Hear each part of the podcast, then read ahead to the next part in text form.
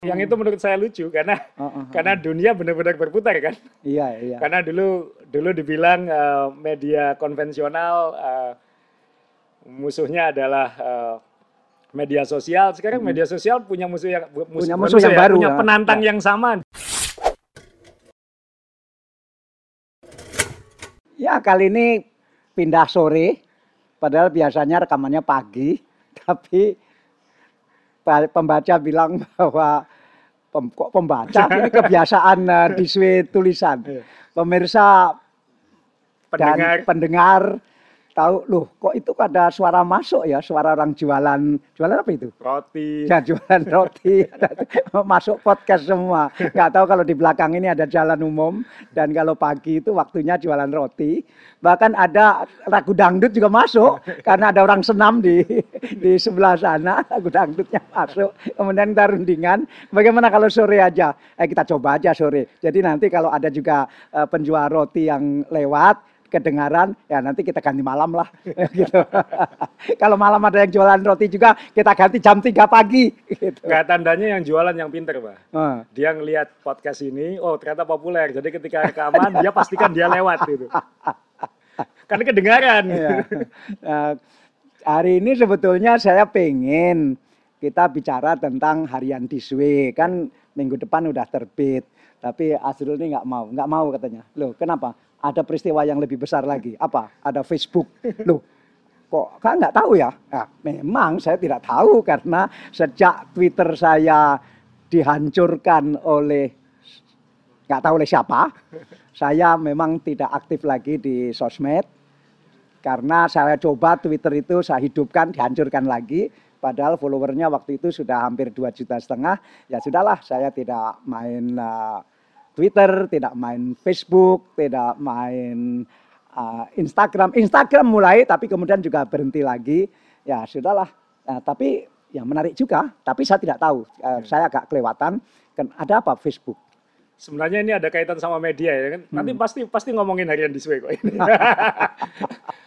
Tapi menarik, saya juga barusan bilang ke Abah, Bah ini seru. Abah, saya tahu Abah tidak sosmedan itu, sudah Hmm. tidak lagi gitu. Saya juga tidak sebenarnya gitu. Hmm. Tapi khusus Facebook ini agak unik karena saya termasuk generasi pertama Facebook kan dulu. Oh. Ketika masih di Amerika lah intinya seperti itu. Hmm, hmm, hmm. Dan saya dulu menggunakan Facebook benar-benar untuk komunikasi dengan teman. gitu. oh jadi pernah memang di Facebook ya sampai sekarang seharusnya masih aktif, cuman saya nggak pernah. Akunnya masih aktif, tapi saya tidak aktif. Hmm.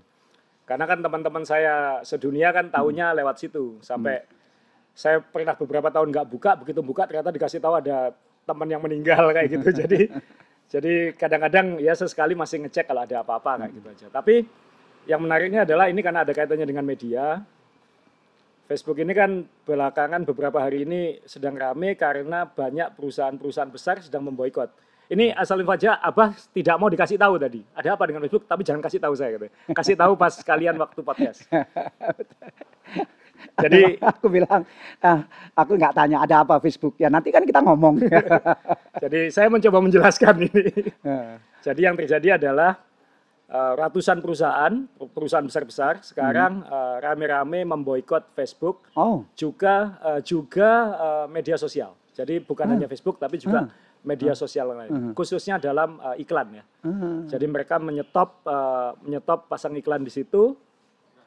Awalnya perusahaan-perusahaan yang memang eh, dikenal sebagai aktivis ya kayak kayak misalnya Patagonia yang dikenal ramah lingkungan yang sangat peduli terhadap eh, keadilan sosial kayak gitu. Ini perusahaan-perusahaan yang yang aktivis itu yang aw- mengawali aktivis lingkungan, Ya. aktivis hak asasi, Hak asasi. aktivis eh, rasial gitu. itu itu yang lebih dulu. Uh, Kemudian tentunya ada tekanan-tekanan dari organisasi-organisasi serupa. Mhm.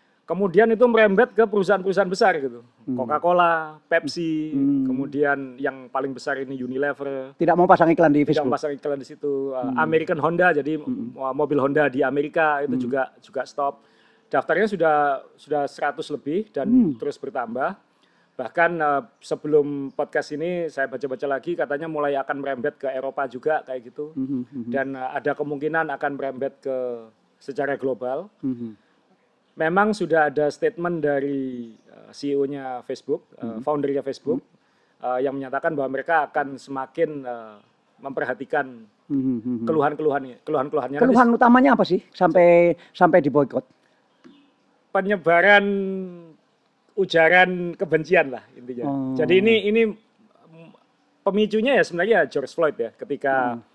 Uh, meninggalnya George Floyd itu ketika suara keti- ketidakadilan sosial, Hmm. rasialisme, ujaran kebencian itu menjadi ramai di Amerika, ini jadi pemicu utamanya yang kemudian dari protes ke jalan sekarang mulai bergeser ke level korporat kayak gini. Artinya Facebook, kenapa Facebook menyediakan diri untuk orang ngomong apa saja, yang omongan itu bisa berarti musuhan, bisa berarti menjelek-jelekan orang, memaki orang, fitnah, segala macam gitu. Iya, dan uh, salah satu pemicu terbesarnya kan membiarkan Trump Oh. bicara yang waktu itu Oh iya Ya. iya, kalau itu tahu saya. ya, jadi Ah, Trump Trump ketika itu bilang kalau ini mulai rame akan terjadi lebih rame lagi Ah, dengan ancaman ah, senjata kayak gitu. Uh, misalnya ada ucapan Trump yang mengatakan bahwa begitu ada penjarahan senjata bicara. Iya, Nah, gitu. itu Ya, ya. itu salah satu pemicu Hmm, utamanya Uh, karena itu uh, mengundang konflik tentunya kayak Hmm. gitu dan dan sebenarnya kan ini juga mungkin sudah letupan-letupan lama juga yang Ya. yang uh, pemasang iklan dalihnya salah satunya adalah dia menemukan iklannya bersebelahan dengan ujaran kebencian Oh. itu kan uh, tidak tidak dia tidak mau dan Hmm. menuntut kalau iklan saya ketahuan kepasang di situ saya minta refund kayak gitu-gitu juga. Wah, hebat sekali ya. Iya. Jadi pemasang iklan tidak mau iklannya berada di medsos yang bunyinya ujaran kebencian. Dan ini lucu juga karena saya bilang ke Abah ini kayaknya menarik karena ini kayaknya kok jadi mirip dengan apa yang dialami orang-orang media beneran kayak gitu.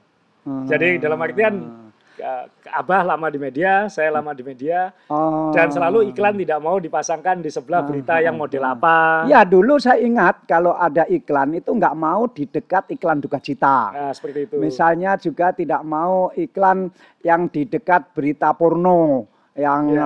eh, nggak mau. Iya iya ingat Jadi- saya ingat. Ya. Jadi tuntutannya jadi mirip. Padahal Hmm. kan uh, media sosial selama ini berdalih bahwa mereka itu bukan media kan, mereka itu teknologi Hmm. platform. Hmm. Uh, tapi ini juga saya juga perlu perdebatkan karena orang kan selama ini bilang kamu bacanya di mana Facebook.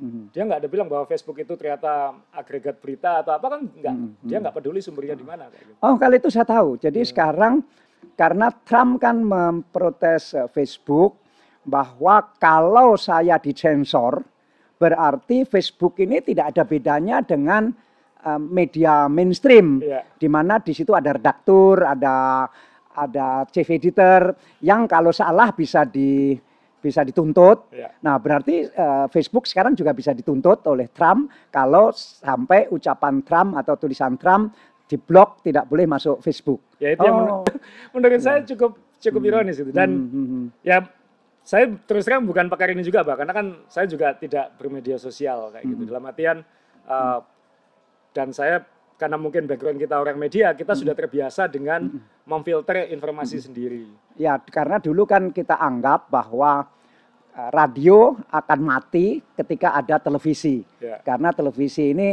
radio yang ada gambarnya. Ya. Kemudian eh, televisi juga akan mati kalau ada media sosial. Dan media sosial sekarang lagi berada dalam ujian juga. Ujian Gitu. juga. Ya, ya, kita lihat apa yang terjadi. jadi Gitu. ini ini memang masih baru sekali kita lihat apakah ini hanya uh, ancaman sesaat uh, hanya gertakan atau apa karena kan memang ada perusahaan yang bilang satu bulan ada perusahaan yang bilang sampai akhir tahun Mhm. ada kita lihat nanti uh, apakah Facebook akan mengambil langkah tapi semua yang dilakukan ini adalah kasus-kasus baru dunia menurut saya maksudnya untuk sebuah industri yang mengandalkan iklan ya ini ini unik karena saya Ya, saya, saya- saya, kadang- juga lihat itu. Saya kadang-kadang mengakui Trump bahwa Trump punya logika yang baik loh. Ya. Lah kalau saya posting eh, pendapat pendapat pendapat saya di Facebook kemudian tidak dimuat, kan sama dengan Facebook ini punya redaksi. Berarti bisa memilih mana yang bisa dimuat, mana yang tidak. Berarti suatu saat dia kita perlakukan seperti eh, media massa yang lain, Ya. bisa kita gugat dan seterusnya. Ya akhirnya medsos eh, ke arah sana juga ya, ya agak lucu. Ya agak lucu maksudnya dulu medsos itu adalah siapa saja bisa beropini, siapa saja bisa mengungkapkan ekspresinya dan lain-lain. Uh, sedangkan media konvensional pasti ada censorship dalam tanda kutip, ada orang atau editor atau redaktur yang memfilter informasi-informasi itu eh, kalau tujuannya murni tentu untuk tujuan yang baik, tapi Ya, tujuan baik tidak baik kan tergantung penafsiran. tergantung penafsiran ya Iya. seperti itu. Eh, sedangkan media sosial atau ya seperti Facebook ini adalah sangat bebas, siapa saja bisa ngomong apa saja. Mm-mm. Eh, ternyata ya bablas juga, ternyata orang gerah juga kayak gitu. Itu kan ini kan sesuatu Iya. yang sesuatu yang dan pada akhirnya yang menentukan eh, menentukan kan pada akhirnya uangnya ke sana atau tidak kan kayak gitu. Ya, ha-ha. Jadi sesuatu yang kita anggap sangat bebas juga pada akhirnya ada tantangan uangnya juga gitu. Iya. Karena 90% pemasukannya Facebook kan dari iklan. Iya, kalau media masih ada hasil penjualan Hasil medianya. penjualan medianya seperti itu. Jadi ini Ini- ini perkembangan lucu menurut saya. Hmm. Lucu dalam artian kita sudah abah puluhan tahun, saya Ya. juga belasan Hmm. tahun menjalani dunia media dan Dan kita udah terlanjur memuja media sosial.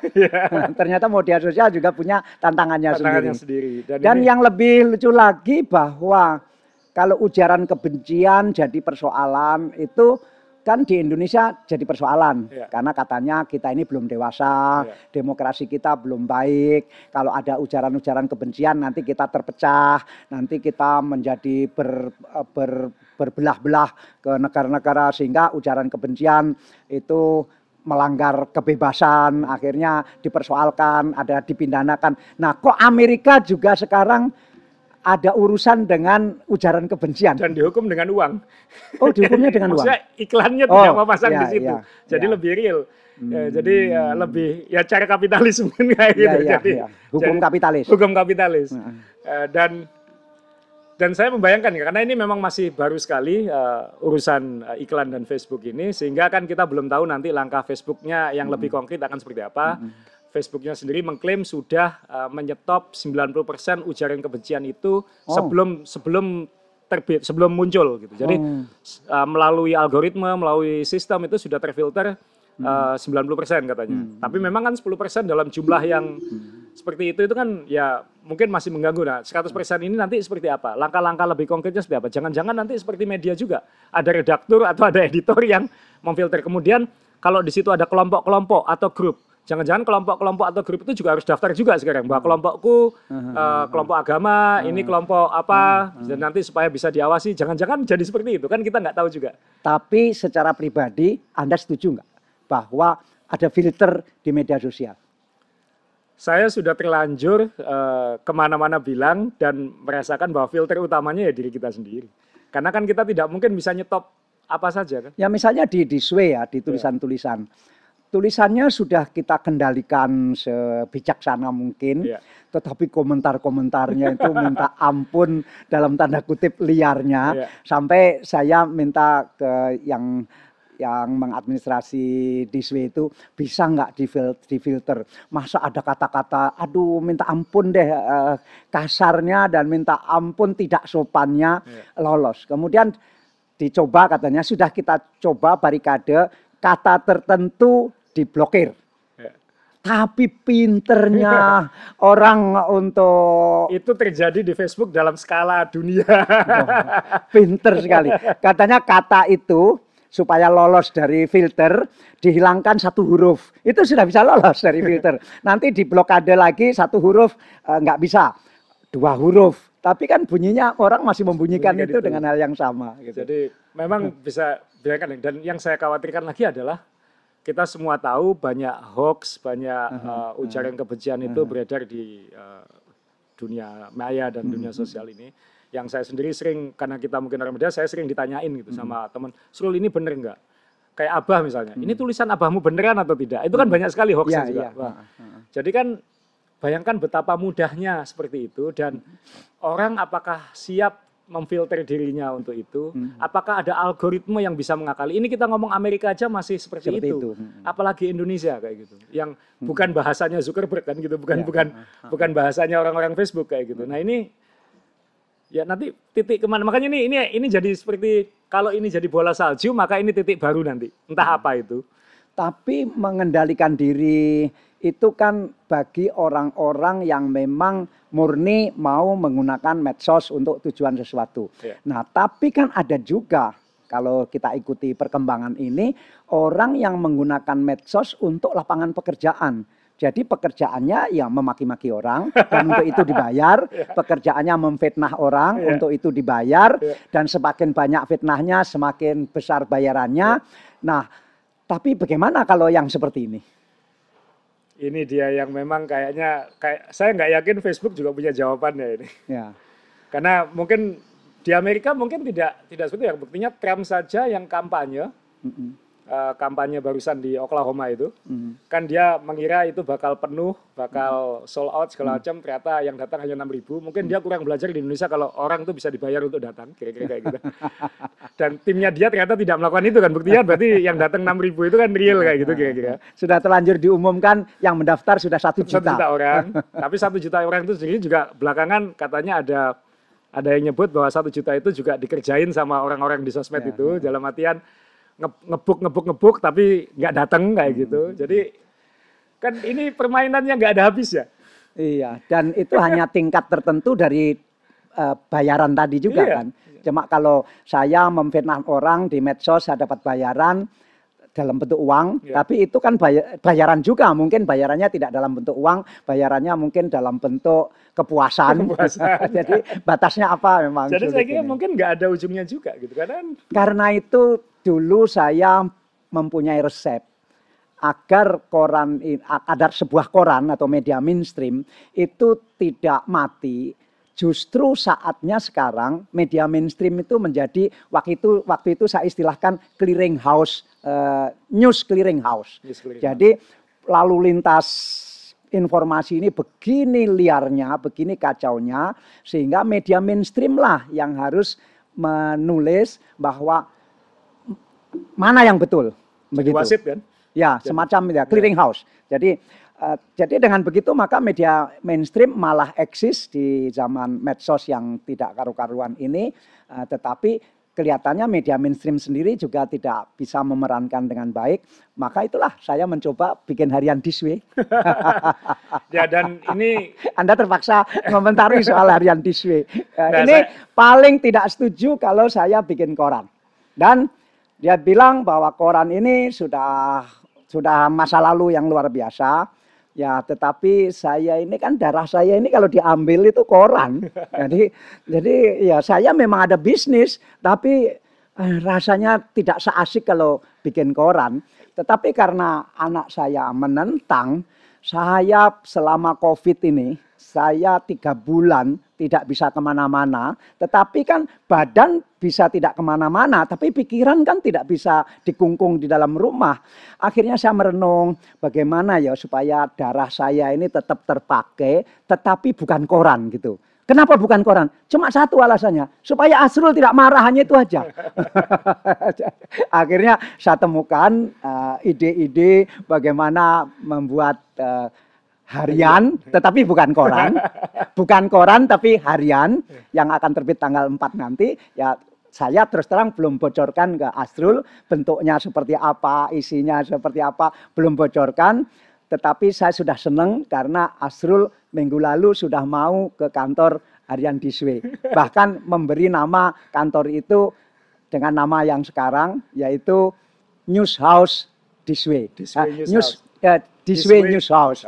Ya, saya pakai karena untuk menyenangkan dia supaya dia tidak menentang-menentang lagi. Nah, ya aku aku tidak menentang Abah eh, gini. Koran dalam formatnya tetap nanti pasti ada tantangan-tantangannya dan saya yakin Abah sudah sangat memikirkan itu yang lebih puluhan tahun di koran daripada saya. Cuman agak ironis juga karena waktu saya juga mengundurkan diri dulu ikut Abah, Nah, tiga bulan kemudian Abah tanya, gitu, gimana rasanya nggak nggak lagi di di koran? Enak saya bilang kayak gitu waktu itu. Saya jawab enak. Kenapa?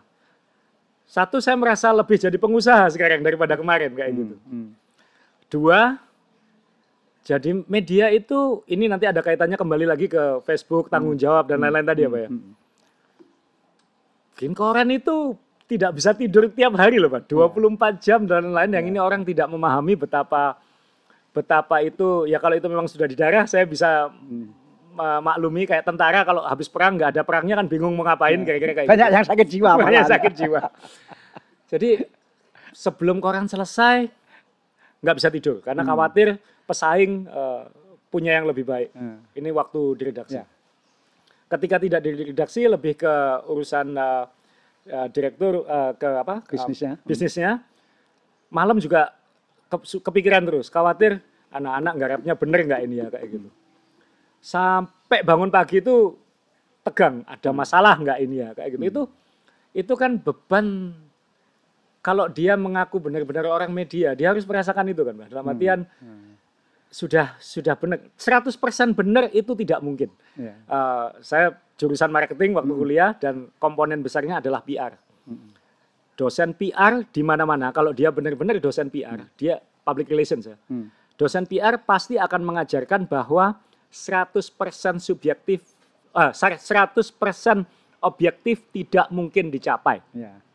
Tidak mungkin. Ya, Jadi betul. kalau misalnya ada orang bilang Anda tidak objektif. Iya, tidak mungkin 100% objektif. Jadi Karena itu doktrinnya kan eh, doktrinnya kan seobjektif mungkin. Mungkin, iya. Ya, ha, ha. Kalau objektif nggak mungkin. dengan kebijakan, dengan wisdom, dengan nanti memikirkan impact-impactnya kayak gitu kan. Jadi itu kan dunia Kalau ini guyon tapi ya, ada yang guyon begini.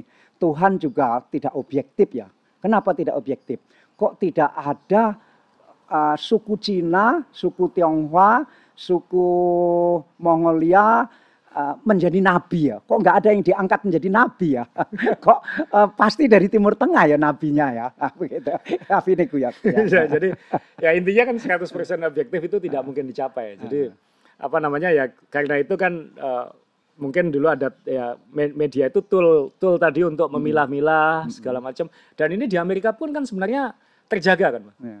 Sangat terjaga ini. Jadi meskipun sosmed asalnya dari sana, eh, ramainya seperti itu, masyarakat sekarang aja polarisasinya seperti itu, tapi masih media-media yang yang dulu tradisional yang sekarang masih eksis, semua mampu mempertahankan itu kan. Ya, dan saya lihat malah New York Times semakin bagus Oh, luar biasa ya. Saya ke Chicago, lihat Chicago Tribune sangat-sangat bagus. Eh, saya juga melihat Los Angeles Times Ya. juga sangat maju. Jadi koran-koran utama di Amerika masih bagus-bagus. Jadi mereka menjawab tantangan eh, digital dan sosmed ini dengan quality yang makin yang makin bagus gitu. Dalam artian eh, banyak kasus-kasus besar yang terjadi dalam 10 tahun terakhir ini yang ungkap tetap media. Hmm, hmm, hmm, hmm. Kayak misalnya kasus pelecehan seksual di eh, apa organisasi olahraga senam itu dari koran, dari koran Indianapolis. Hmm.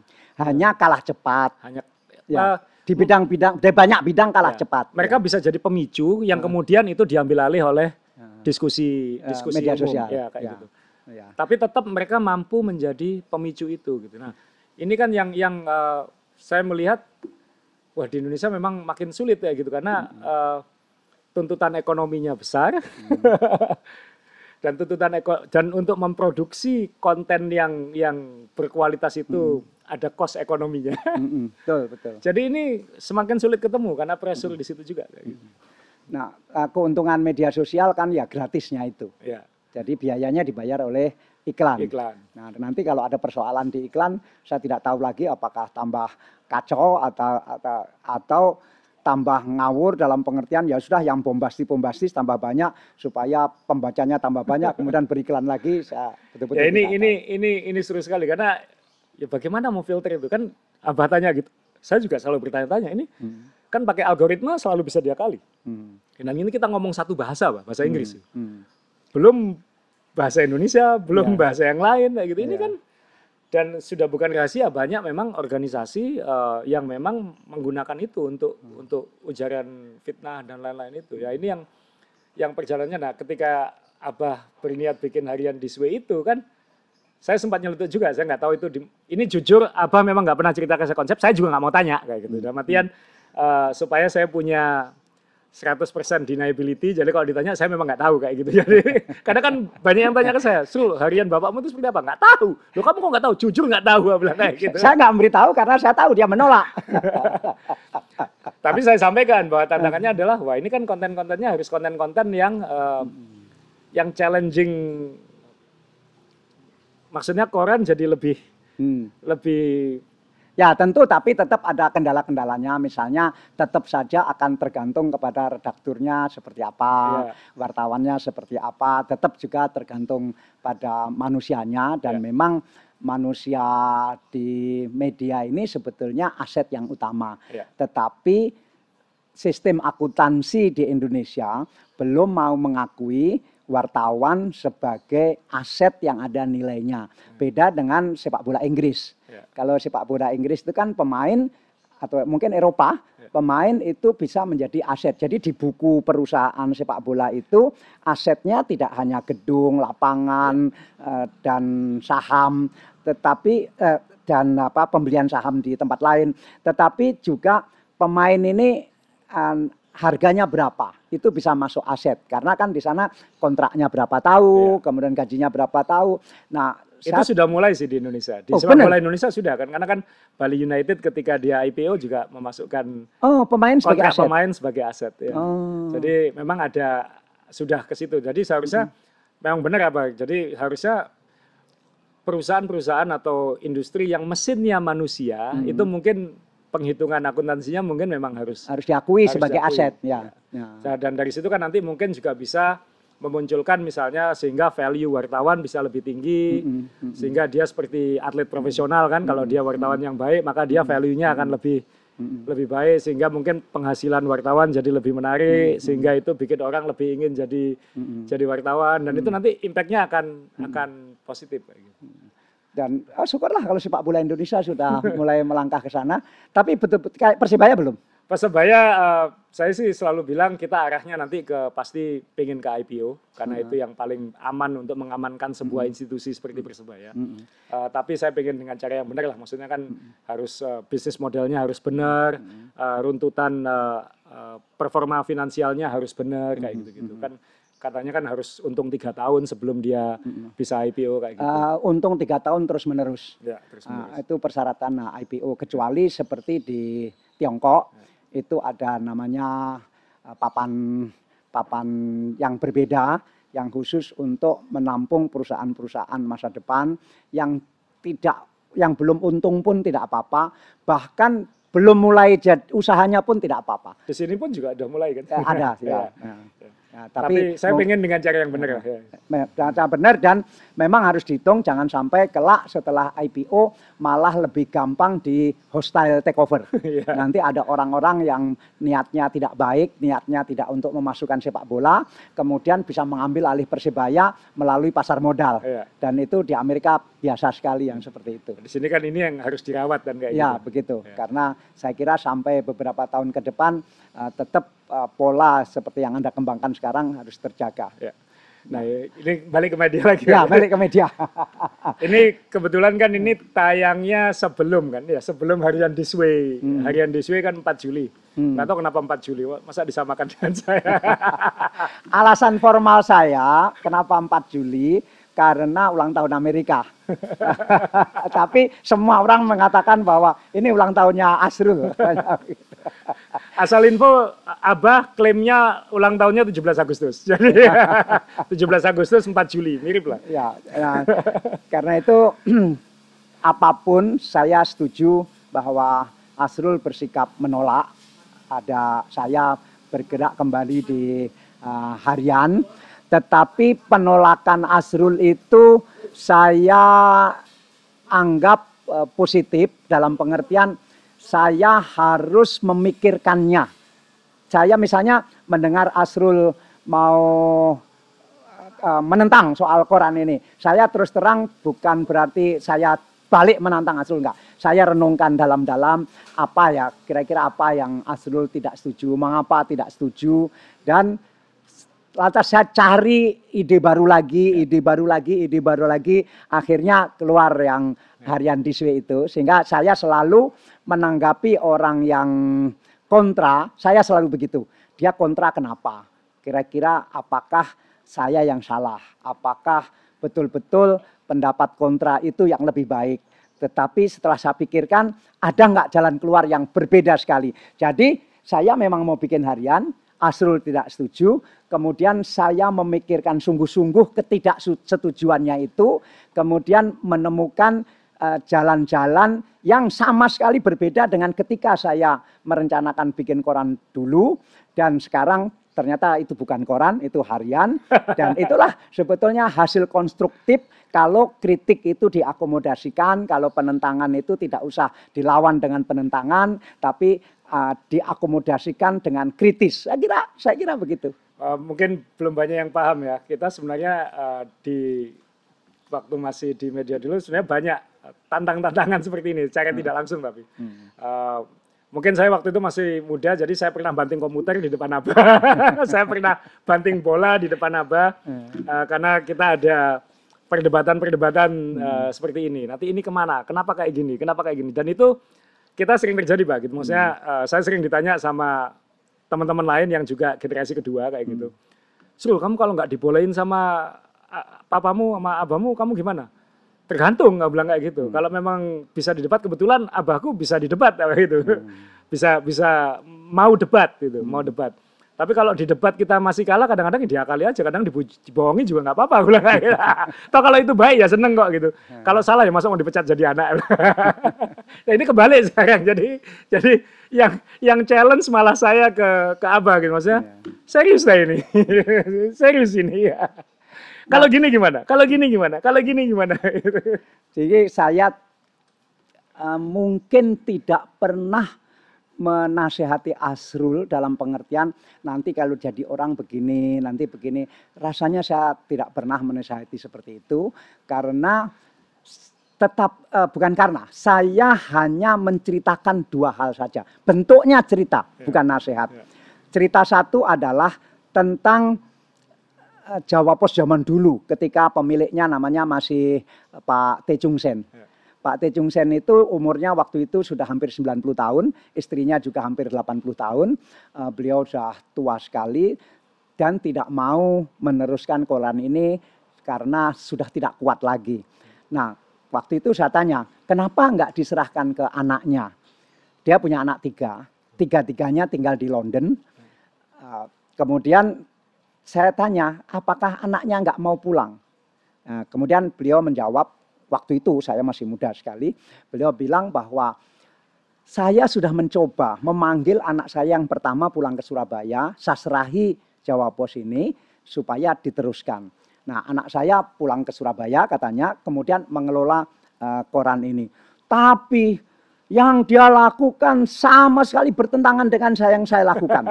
saya marah kepada anak saya dan saya tidak mau lagi uh, anak saya meneruskan kuliah. Biar dia pulang balik ke London.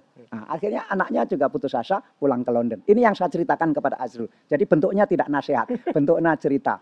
Kemudian anaknya yang kedua dipanggil pulang, suruh meneruskan. Kejadiannya sama persis, gak cocok dengan bapaknya. Akhirnya anaknya yang frustrasi dan anaknya sudah aku nggak mau lagi di Indonesia, aku nggak cocok sama bapakku. Kemudian uh, anaknya itu balik lagi ke London. Nah, tidak dicoba dengan anaknya yang ketiga yang kebetulan perempuan. Nah, saya ceritakan kepada Azrul bahwa saya tidak menasihati apa pun, tapi ada kejadian runtuhnya Jawa Pos yang lama itu seperti itu masalah anak. Kemudian saya contohkan lagi satu cerita lagi perusahaan media juga di Surabaya yang juga Eh, bapaknya meninggal dunia, kemudian siapa yang harus meneruskan ini, kemudian anak laki-lakinya dipanggil eh, dan melakukan sesuatu yang pembaharuan-pembaharuan, tetapi ibunya sangat tidak setuju. Akhirnya bertengkar dan kemudian nggak kerasan pulang. Nah, saya ceritakan ke Azrul, apakah nanti juga akan kejadian ya hal seperti ini antara kamu dan saya. Ya sudah, itu saja. Saya tidak menasihati apa pun, tapi bentuknya cerita seperti itu. Dan saya juga omongin ke teman-teman, maksudnya meskipun saya bisa debat dan saya mungkin cukup tricky untuk membohongi Abah hmm. dan tetap melakukan dan lain-lain, cukup cerdik. Eh, hmm. Saya juga bilang, saya juga beruntung karena Abah saya nggak pernah ganggu secara hands on karena banyak sekali teman-teman saya begitu kan memang, Mbak. Maksudnya oleh orang tuanya. Oleh orang tuanya. Jadi hmm perusahaan ini baru dia pegang tiap hari digangguin, dia mau diomelin. Oh, ini belum apa-apa sudah digangguin, diomelin. Padahal saya pikir waktu itu salah satu teman saya itu ya. Padahal kalau perusahaan ini bangkrut buat buat keluarganya tidak ada apa-apanya sebenarnya kan gitu. Maksudnya ya biarin lah dia main-main di situ kan. Maksudnya itu bangkrut ya biarin kayak gitu. Tapi kadang-kadang kan ada orang tua yang sampai yang kecil-kecil pun juga juga boleh. Saya bilang dia, aku bersyukur nggak digituin kayak gitu. Jadi Memang waktu Anda megang Jawa Pos, saya kan lebih banyak nganggur waktu itu, belum menjadi dirut PLN, belum menjadi menteri. Kemudian saya sering makan siang sama pengusaha-pengusaha yang seumur saya. Dan kepada mereka saya selalu sampaikan karena saya tahu bahwa sebetulnya dia juga sudah menyerahkan perusahaannya ke anaknya, tetapi masih tiap hari ngantor dan saya dengar juga kasus-kasus seperti yang saya ceritakan tadi, maka nasihat saya kepada teman-teman pengusaha yang sesama tua itu, sudahlah, Anda kalau sudah percaya kepada anak, kasihkan, sudahlah. Uh, ya iya Pak, tapi begini, udahlah, biar aja dia juga belajar. Memangnya kita dulu ketika seumur dia, kita bisa apa? Ya begitu. Iya Pak Dalan kok bisa ya? Ya bisa lah, udahlah Anda juga begitulah. begitu. Nah tapi umumnya tetap uh, mengalami kesulitan bagaimana menyerahkan sepenuhnya kepada anaknya. Berarti sekarang memang benar kata orang itu ya, semakin tua kembali jadi anak itu Pak ya. Berarti sekarang ketika ketika ketika sekarang Abah hampir 70 tahun, uh, justru Abah yang sekarang pengen seperti itu dan sekarang saya yang malah nanya-nanyain serius nah ini. Benerin nantinya gimana segalanya. Berarti apakah saya yang sekarang harus berpikir, hmm, nah biarinlah daripada nanti gangguin saya yang lain kayak gitu. Jadi Persibaya saya nggak ganggu, DBL saya nggak ganggu, dan sama sekali uh, uh, juga tidak mau tahu dalam pengertian, dalam pengertian tidak mencampuri sama sekali. Sehingga kalau ada orang yang datang, Pak saya punya anak, uh, mainlah di Persibaya anak saya ini hebat. Aduh saya nggak tahu, saya nggak ikut campur. Uh, sana ke Persibaya sana, misalnya begitu. Ada juga orang-orang uh, lama yang gimana Persebaya kok begini begini. Aduh, aku nggak tahu. Ya, jadi begitu. Dan e, memang banyak sekali yang orang tua nah, seperti itu. Jadi para orang tua yang punya perusahaan yang sudah diserahkan kepada anaknya, udahlah relakan. Eh, lah kalau bangkrut gimana? Ya kan Anda masih punya uang yang dipisahkan. Ya nanti nanti diambil alih, tetapi setelah uh, membuktikan bahwa anaknya tidak mampu. Tapi kalau anaknya tidak pernah diberi kepercayaan, tetap tentu tidak tahu mampu atau tidak sebetulnya. Menurut saya uh, tetap Memang orang tuanya sudah menyekolahkan anaknya sampai lulus perguruan tinggi, tetapi sekolah yang sebenarnya kan sebetulnya yeah. ya mengelola perusahaan itu. Sehingga kalau misalnya dipegang anaknya rugi, ya anggap aja lah itu universitas yang uh, berikutnya lagi atau S2-nya atau S3-nya. Dan begitu. itu memang beban kok. Maksudnya hmm. banyak uh, ya memang ada sih yang generasi kedua yang hori-hori aja yang hmm. yang yang tidak memikirkan seperti itu ada. Hmm. Tapi banyak yang sebenarnya terbebani juga kayak gitu. Hmm. Terbebani dalam artian pasti kan pasti dibanding-bandingkan kayak dan apalagi yang agak high profile seperti hmm. saya dulu gitu. Hmm. Kalau diwawancarai majalah, kalau diwawancarai TV, selalu ditanya, bagaimana kalau dibandingkan dengan orang tua aja itu? Itu kan pertanyaan wajib wartawan, kira-kira kayak hmm. gitu. Dan Apa, itu menerima pertanyaan begitu stres? Enggak juga sih. Kalau saya kan bisa jawab, hmm. tapi orang lain kan belum tentu bisa jawab kayak gitu. Hmm. hmm. Kalau jawaban saya dulu kan bercanda aja ya. Saya bikin kalau gimana caranya keluar dari bayang-bayang orang tua? Ya bikin aja bayangan yang lebih luas. Kan jawabannya kayak gitu aja. Tapi orang lain kan tidak belum tentu bisa bisa bicara seperti itu gitu. Itu hmm. yang yang jadi tadi kalau abang ngasih tahu ke orang tua, saya kata anaknya, wis tak, jalani aja. kalau orang tua nggak setuju, kalau anda pede dengan itu bakal berhasil, bohongi aja. Tahu nanti kalau berhasil pasti seneng kok kayak gitu. Iya, iya. Kalau gagal juga masih anak kan kayak gitu. Jadi, Aduh, kembali ke harian nih Mbak. Berarti kan hmm. kita, ini memang tadi benar, Abah tidak pernah cawe-cawe terhadap apa yang saya lakukan. Hmm. Uh, saya juga sebenarnya kan juga berusaha tidak mencampuri urusan Abah kan itu. Ini tidak banyak yang tahu bahwa waktu Abah di Rut PLN, saya tidak pernah ke kantor Abah. Waktu Abah uh, Menteri BUMN, saya baru sekali, hanya sekali itu pun jemput Abah waktu itu hmm. ke sana. Dan saya bilang saya nolak-nolak benar waktu itu karena saya nggak mau benar-benar selain juga sibuk di kerjaannya sendiri juga hmm. nggak mau urut campur urusan Abah dan dan teman-teman saya bilang, Srul ngeri loh kamu itu Srul. Kenapa? Ini ada orang katanya. Dia tahu aku sering makan sama kamu Srul katanya kayak gitu. Hmm ini orang tuh nawari uang sekian, Sro. Untuk ngasih tahu aku makan sama kamu di mana. Sampai kayak gitu, Sro. Hmm. Nah, itu kan beban yang besar buat seorang anak gitu maksudnya. Maksudnya kan saya bisa membayangkan berapa banyak anak pejabat, berapa banyak anak pengusaha besar yang bikin perkara sama orang tuanya. Gara-gara urusan kecil-kecil seperti itu kan. Maksudnya bayangin teman saya ini sampai, aku nih ditawarin 40 juta, Sro. Hanya untuk ngasih tahu makan sama kamu di mana siang ini. Udah itu aja katanya. Itu Ya. Dan bagi saya enak juga nggak mau tahu dia perusahaan dia seperti apa karena kalau ada kerugian-kerugian sedikit kan dia malu juga minta saya. Eh, kalau kekurangan uang kan malu juga minta uang saya. Kan eh, saya itu kan salahmu sendiri ya. Bagaimana caranya begitu. berarti nanti di Sway harian di Sway ini saya nggak ikut cawe-cawe kan? Iyalah. Ya, saya sih pengen Anda nulis karena tapi ya terserah lah begitu. Yang jelas bahwa sebetulnya ada ada sesuatu yang sangat idealis yang ingin saya lakukan, Ya. terutama di bidang kepemilikan media. Ya. Tetapi lain kali lah kita obrolkan ini, karena Tapi- saya pengen, me- saya ini udah lama mempelajari mengapa Huawei itu majunya luar biasa dan bagaimana struktur kepemilikan di Huawei, kemudian bagaimana pelaksanaannya. Saya terus terang sangat terinspirasi dengan Huawei dan itu yang akan saya saya terapkan di perusahaan yang menerbitkan harian Diswe ini. Tapi itu nantilah kita bahas karena agak agak agak seksi. Ya. Tapi kalau misalnya urusan konten, misalnya, Hmm. aku nggak aku nggak tanya detail ini format seperti apa.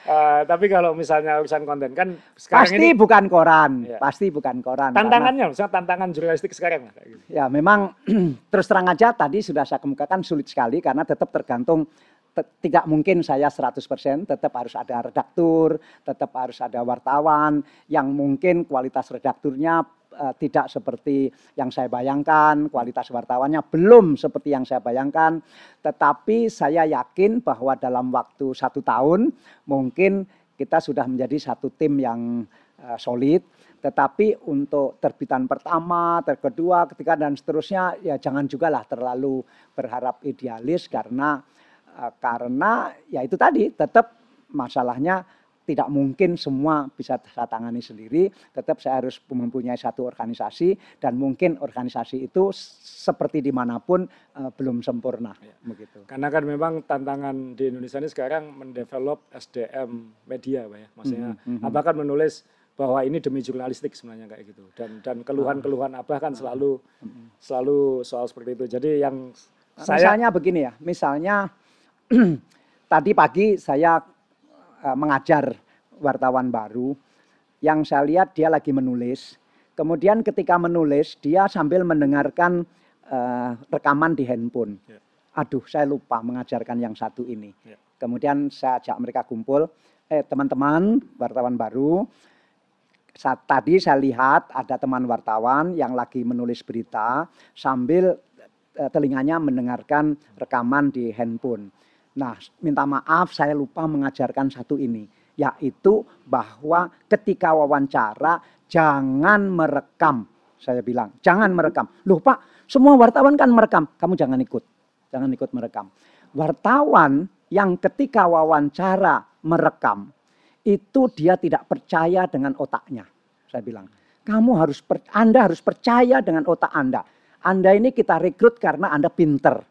Jadi jangan sampai Anda tidak percaya kepada otak Anda dan menyerahkan sebagian kemampuan otak itu kepada rekaman.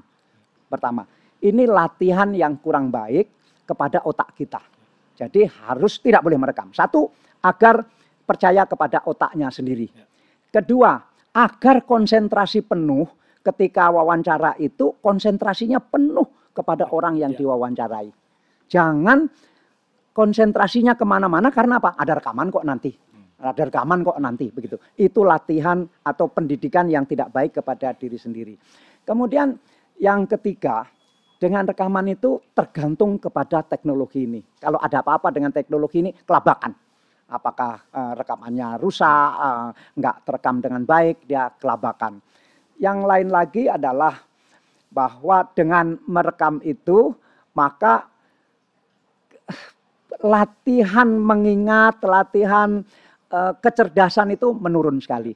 Sampai-sampai saya bilang, apa wabah merekam ini ya yang membuat wartawan eh, tidak secerdas yang kita harapkan. saya punya kasus lebih parah lagi, Pak. Kenapa? Dulu pernah eh, waktu saya masih media, saya sampai bilang ke teman-teman di redaksi waktu itu, kalau sampai ada wartawan kita yang melakukan ini, keluarkan gimana Oh, caranya. Jadi kalau tadi Abah bilang merekam, mm, merekam ini bikin eh, dia sudahlah toh ada rekamannya. Benar itu. Mm-mm. Tapi kalau saya mungkin karena saya mungkin banyak liputan luar negeri, saya menggunakan rekaman itu tapi tidak saya pegangi, saya Oh. saya taruh. Mm. Tetap saya mencatat tangan karena transfer ilmu yang paling cepat itu adalah Mm. mendengar, ngomong, mencatat itu paling Mm-mm. karena badan kita seperti ikut merekam kan kayak gitu. Mm, mm, Jadi tetap direkam, tapi itu just in case nanti kalau apa, karena tetap kita pada fokus pada narasumber. Dan ini semakin saya rasakan waktu eh, di DBL dan Persebaya, ketika saya harus menghadapi banyak media dari sisi yang berbeda kan, Pak. mm, mm, mm, mm. Anda sebagai sumber berita. Seperti itu.